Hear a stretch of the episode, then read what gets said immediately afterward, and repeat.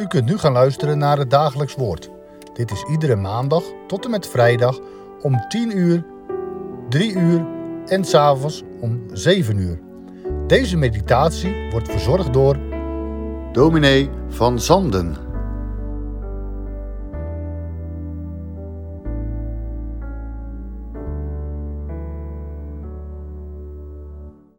Voor de tweede maal, beste luisteraars, lezen we met elkaar een gedeelte uit de profetieën van Habakkuk. We luisteren vandaag naar Habakkuk 1, vers 5 tot en met 11. En daar komt Gods woord al dus tot ons. Zie rond onder de heidenvolken en aanschouw. Verbijster u, sta verbijsterd. Want ik breng in uw dagen een werk tot stand dat u niet zult geloven wanneer het verteld wordt. Want zie, ik doe de Galdeën opstaan, dat grimmige en onstuimige volk, dat de breedten van de aarde doorkruist, om woningen in bezit te nemen die niet van hem zijn. Schrikwekkend en ontzagwekkend is het. Zijn recht en zijn hoogheid gaan van hem uit. Zijn paarden zijn sneller dan luipaarden, feller dan avondwolven. Zijn ruiters komen eraan in galop. Zijn ruiters komen van ver aangevlogen als een arend die toeschiet om te verslinden. Ieder van hen komt om geweld te bedrijven, hun gezichten oostwaarts gericht en men verzamelt gevangenen als zand. Ja, zelf drijft hij de spot met de koningen, vorsten zijn hem een bespotting. Zelf lacht hij om elke vesting. Hij hoopt er aarde tegenop en neemt hem in. Dan zal hij als de wind veranderen en verder trekken.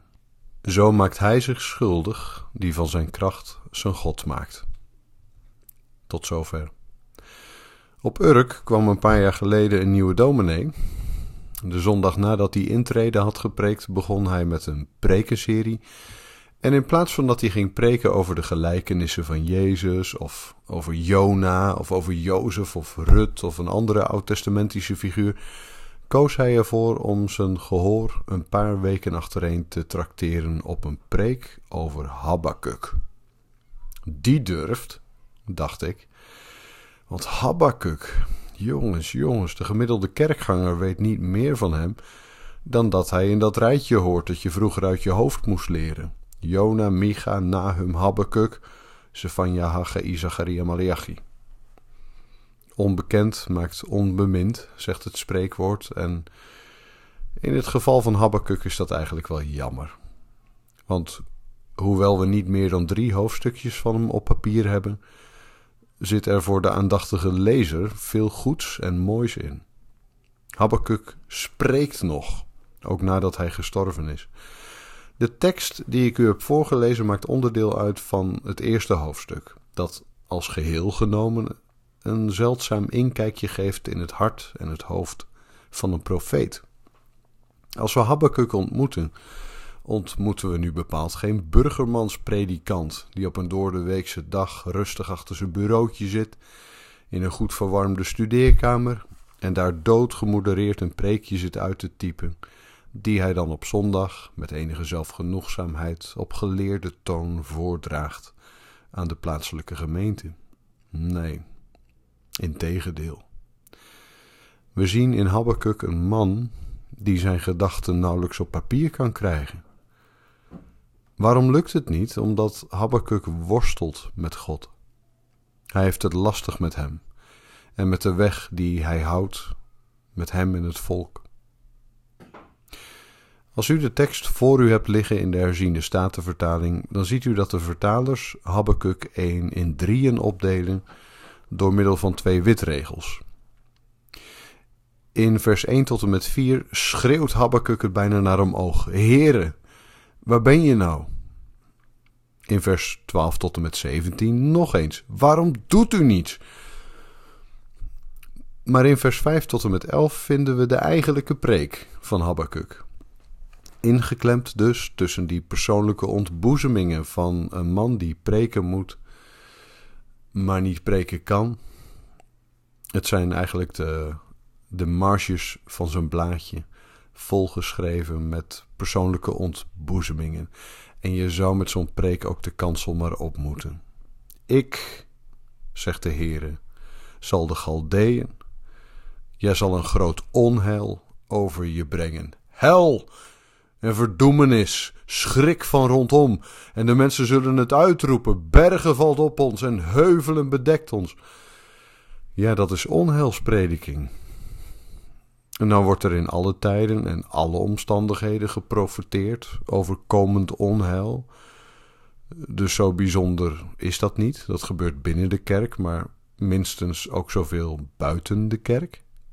Ook in onze dagen hangen stijgende zeespiegels en gloeiend hete zomers en hongerige ijsberen als donkere wolken boven onze toekomst.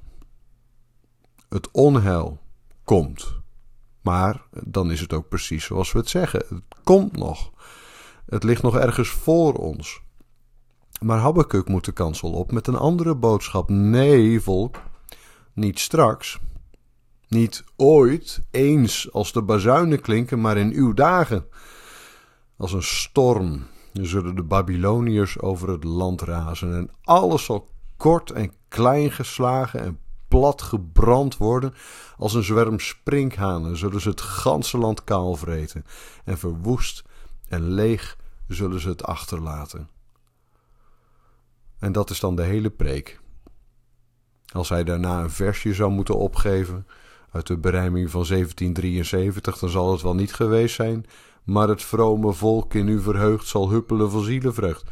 Of, maar de Heere zal uitkomst geven, hij die daags zijn gunst gebiedt. Dan eerder Psalm 79, het eerste vers. Dat is zo'n versje dat je je leven nog nooit in de kerk gezongen hebt, maar het staat wel in het psalmboek. Getrouwe God, de heidenen zijn gekomen. Ze hebben stout uw erfland ingenomen. Jeruzalem, de tempel, uw altaren. Het ligt al verwoest door die geweldenaren. Uw knechten zijn geveld door hun verwoed geweld. Hun lijken onbegraven, verzaden na hun dood. Het gedierte in hongersnood en gier en kraai en raven. Wat denkt u? Zullen de mensen een beetje blij thuisgekomen zijn? Waarschijnlijk hebben ze tegen elkaar gezegd: Ik ga nooit meer kerken bij die man.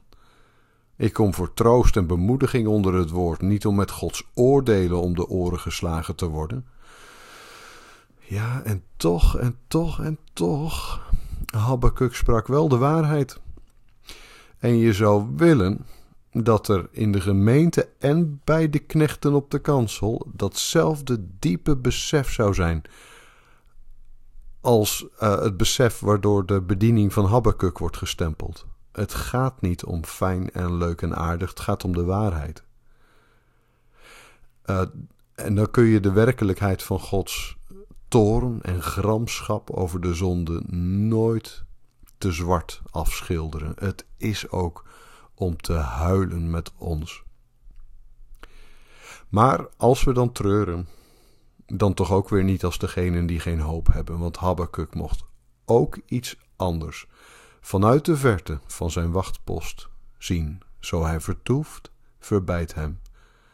Want hij zal gewisselijk komen, hij zal niet achterblijven. We eindigen met gebed.